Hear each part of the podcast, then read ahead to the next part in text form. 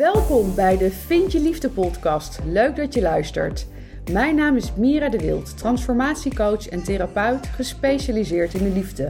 En in deze podcast neem ik je mee in waarom het je steeds maar niet lukt in de liefde. Je bent een succesvolle vrouw die alles goed voor elkaar heeft, maar toch komen steeds weer de verkeerde partners op je pad. Ben jij daar klaar mee en is het tijd voor jou om naar binnen te keren, zodat je wel de liefde gaat vinden? In deze podcast ontdek je hoe. Veel luisterplezier.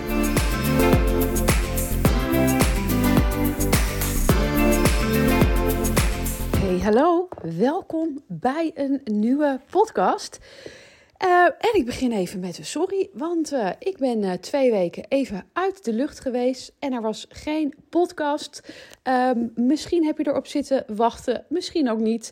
Maar nou, het, het was er even niet van gekomen en dat is niet hoe ik het zelf graag wil, want ik hou ervan om iedere week, minimaal iedere week, een podcast voor je op te nemen. Maar soms loopt het leven even anders. Maar we pakken hem nu weer gewoon lekker op. Ik heb sowieso hierna ook alweer een nieuwe podcast voor je klaarstaan. Die heb ik uh, net ook opgenomen. Um, maar Even kijken, twee weken geleden hield ik de challenge van liefdespijn naar gelukkig zijn. En op mijn Instagram heb ik toen een live video gegeven over een ja, korte recap van de challenge. En die deel ik vandaag met je in de podcast. Altijd fijn om, uh, uh, misschien heb je hem op Instagram gezien, altijd fijn om eens eventjes na te luisteren. Het gaat hem namelijk altijd om de kracht van de herhaling. Ook al weet je het uh, gaat het er niet om of je het weet, maar of je het doet. En al doe je het, dan is, het, is er op het doen zijn er ook weer verschillende lagen te raken. Um, en voordat ik deze podcast inzet, wil ik je ook nog van harte uitnodigen. Want volgende week zaterdag, 17 december, half tien in de ochtend, dus op zaterdag, um, geef ik eenmalig, de enige keer dit jaar de masterclass live van liefdespijn naar gelukkig zijn. En dan denk je misschien, nou, het is al. Um, het is al eind december, dus natuurlijk is dat de laatste. Ik heb hem dit jaar ook niet gegeven. Voorgaande jaren wel. Uh, dit jaar nog niet. Ik heb hem helemaal vernieuwd en in een nieuw jasje gestoken. En ik heb er erg veel zin in om die live te gaan geven. Dus ik wil je van harte uitnodigen. Je kunt de link vinden in de show notes of op de website miradewild.nl gratis. Of kijk even op, in mijn bio uh, op mijn Instagram. Uh, sowieso handig als je me daar volgt, want dan hou ik je altijd op de hoogte van alles uh, wat, er, wat er is. Ik zou het ontzettend leuk vinden om, om je daar te zien. Fijne boost nog even voor de, voor de kerst, want die is niet altijd voor iedereen even leuk. Wanneer je of er alleen voor staat of misschien niet in een hele gezonde relatie zit. Dus ik hoop jou dan te zien. En veel plezier met het luisteren van deze podcast. Doei doei! Goedemiddag. Je krijgt van mij een recap van de challenge van liefdespijn naar gelukkig zijn. Dus ik neem jou even mee in hoe het komt dat je steeds de verkeerde partners aantrekt. Of dat je dus steeds in relaties terechtkomt die maar niet lijken te lukken. Nou, misschien doe je mee ook met de vierdaagse challenge van liefdespijn naar gelukkig zijn. Dan gaat dit natuurlijk ook interessant uh, uh, worden, want ja, ik zeg zelf altijd maar, het gaat er niet om wat je weet, het gaat er om wat je doet. En als je toch nog steeds in bepaalde problematieken terechtkomt, ja, dan kun je dingen weten, maar zolang je het niet verandert, zolang het niet veranderd is, heb je eigenlijk feitelijk niks aan het weten. Ehm, we hebben nu twee trainingen gehad, waarbij de eerste ging over waar komt je patroon van liefdespijn eigenlijk vandaan? Hè? Dus hoe komt het dat je in dat patroon terecht bent gekomen? En gisteren hebben we het heel erg gehad over bindingsangst, verlatingsangst, codependentie, relatie en liefdesverslaving. Vanavond. Maar hoe komt het nou dat het steeds niet lukt?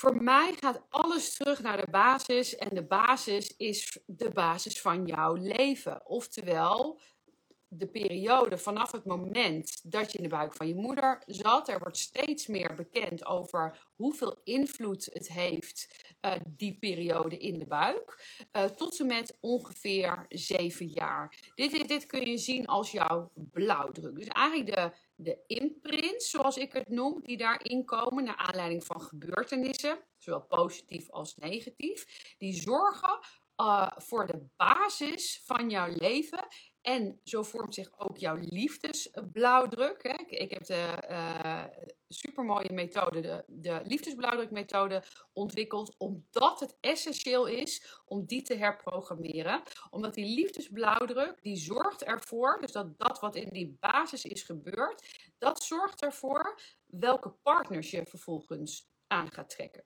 Dus als jij nu naar je patroon kijkt en je ziet van hé, hey, ik trek steeds dezelfde soort partners aan, hè, alleen een ander gezicht uh, erop.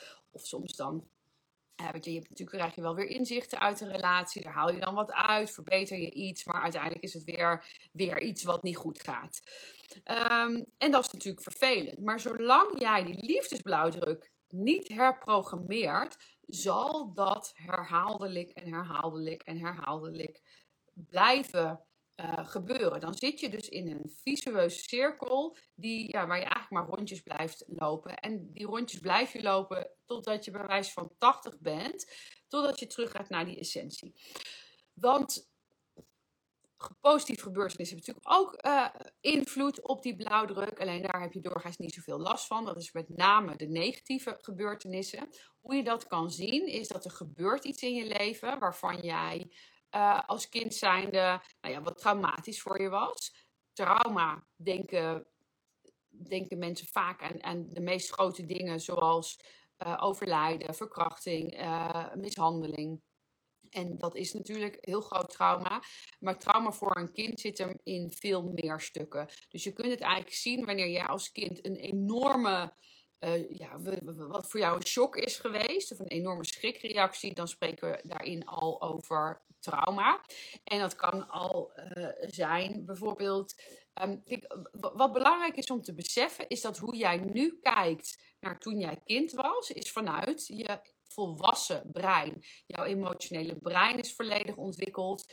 Um, je weet hoe het leven in elkaar zit. Je bent in staat om empathie op te brengen, om je te verplaatsen in een ander. Maar zo zit je natuurlijk niet in elkaar als je kind bent.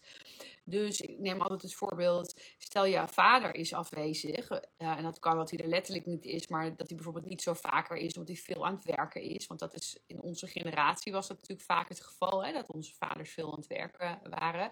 Dan kun jij als kind van 6, 7, 8 niet denken, oh, mijn vader is super hard aan het werken. Hij is er niet zo vaak. Maar hij is echt goed voor ons aan het zorgen. Want daardoor hebben we goed te eten. En hebben we dit huis. En kunnen we op vakantie. je bent helemaal niet in staat om op die manier te denken. En zo, zo, zou je, zo moet een kind ook niet denken. Um, kijk, want wat iemand doet in. in um, als jij als vader of als moeder zijn hard wil werken, of, of nou ja, soms, soms moet je ook wel hard werken, maar je wil bepaalde dingen omdat je een bepaald leven ook voor je kinderen uh, wilt. Maar dat is volgens, vervolgens voor een kind eigenlijk gewoon een maatstaf. Als ik kijk naar mij, naar vroeger, ja, ik vond dan gewoon normaal dat we in een vrijstaand huis woonden en dat we twee keer per jaar op vakantie gingen. Want dat was zo. Dus je weet dan niet beter. Hè? Ook, daarin uh, weet je, ja, uh, ja je, je, je, je ehm, wat jij hebt en wat je krijgt, dat is jouw referentiekader. Dus die momenten dat, dat, uh, uh, dat je misschien je vader hebt gemist, dat, is, ja, dat kan al een groot trauma voor jou uh, zijn. Dus het gaat allemaal in die blauwdruk. En het vervelende is dat wat daar, dus daar zit enerzijds zitten daar diepe wonden vaak. Eh, innerlijke kindpijn, wat maar opgeslagen is en waar je eigenlijk niet meer bij kan of soms ook niet wil. Want wat ik heel erg merk met de vrouw met wie ik ook werk in mijn uh, negen maanden traject van liefdespijn naar gelukkig zijn, is dat er zo'n grote angst ligt om naar dat gevoel toe gaan. Dus daar begeleid ik ze ook in om door die angst heen te gaan, zodat je daar kan gaan zijn waar je toch zult moeten zijn om dit te doorbreken. Want wanneer jij geen contact maakt met je gevoel, dan kun je dus ook nooit het echte contact met jezelf gaan maken. Want zelfliefde, contact maken met jezelf. En dan maak ik meteen een beetje een bruggetje naar vanavond en, uh, en morgen. Ja, dat is een gevoel. Dus als jij niet echt dat contact kan maken met je gevoel.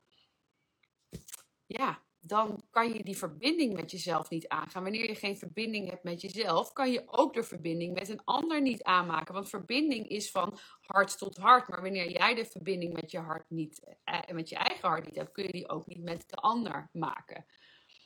Rianne zegt, en juist het herprogrammeren van mijn liefdesblauwdruk is zo helend. Zo blij met jouw methode en traject. Confronterend, maar heel helend. Nou, dankjewel. Rianne, dat is ook uh, dat is de bedoeling, inderdaad. Um, dus je zult dat stuk in moeten duiken om vervolgens het contact te herstellen met jezelf. En uh, waarbij alles wat op je pad komt in de vorm van, van je relaties, dat zijn voor jou uh, stukken om naar te kijken. Dat zijn lessen die je mag leren. Want ik geloof erin, niks komt zomaar op je pad. Het komt op je pad omdat je er iets van te leren hebt, omdat je iets mag zien, omdat je iets mag horen. Maar als je dat cadeautje, zoals ik het noem, niet uitpakt, dan zal die les maar op je pad blijven komen tot frustratie toe. Totdat je op een bepaald moment zit van, waarom overkomt mij dit toch altijd? En om dat dan vervolgens om te gaan draaien in van ja, waarom overkomt mij dit altijd? En het niet bij de ander van waarom komen deze eh, mannen steeds maar op mijn pad of vrouwen. Maar hé, hey, wat heb ik eigenlijk nog aan te kijken in mijzelf? Waardoor diegenen steeds maar op mijn pad komen.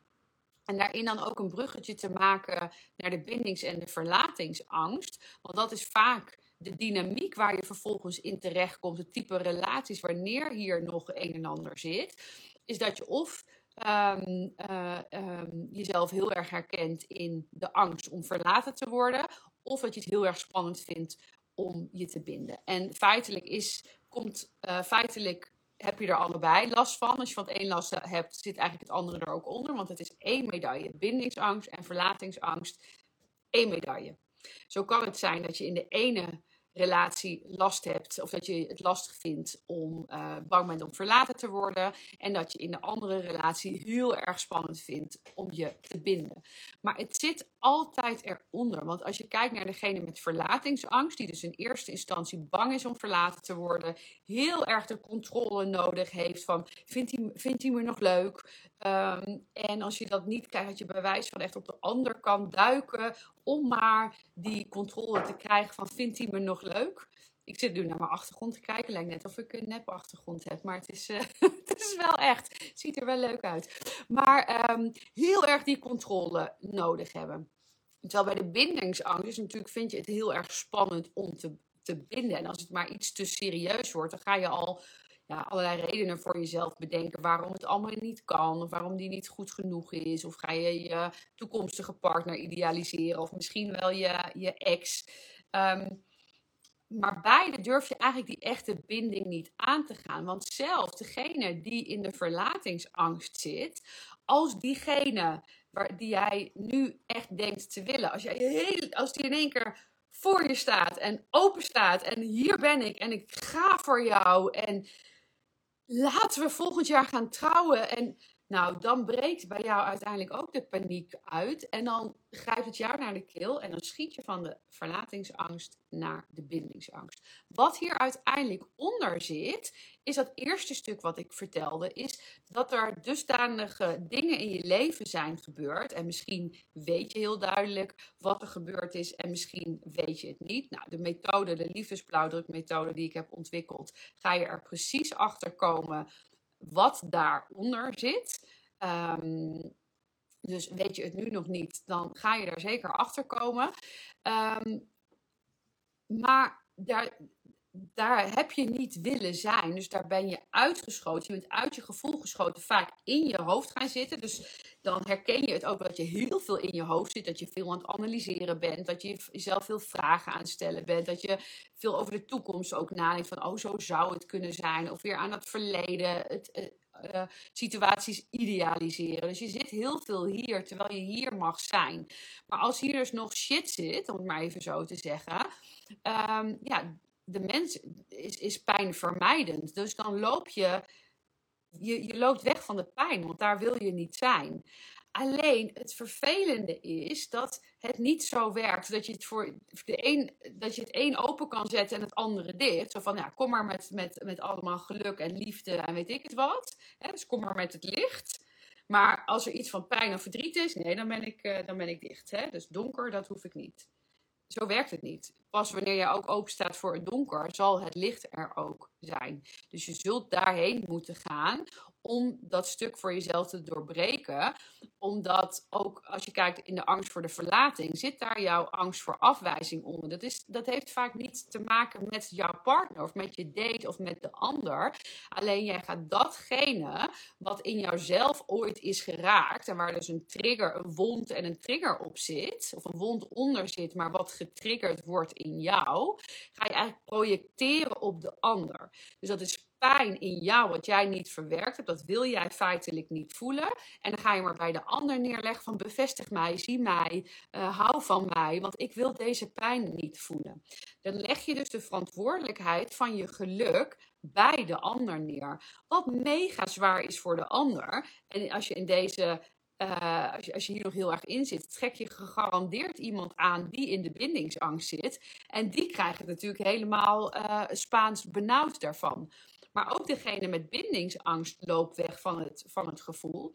Want wanneer je uiteindelijk wanneer er een punt komt om je te gaan binden, ja, dan krijg jij daar ook Spaans benauwd van. En is jouw uitnodiging net zo goed als degene met verlatingsangst om datgene aan te gaan uh, wat zich aandient. Dus krijg je het er benauwd van, oké, maar wat, wat zegt dat? Wat doet dat? En, en ga daar naartoe. Nou, daar krijg je natuurlijk ook allerlei tools voor in het uh, negen maanden traject. Want daarvoor is het helemaal ontwikkeld. Om daar naartoe te kunnen gaan. Om de pijn uh, die er zit, om erachter te komen wat het is, om het te gaan helen.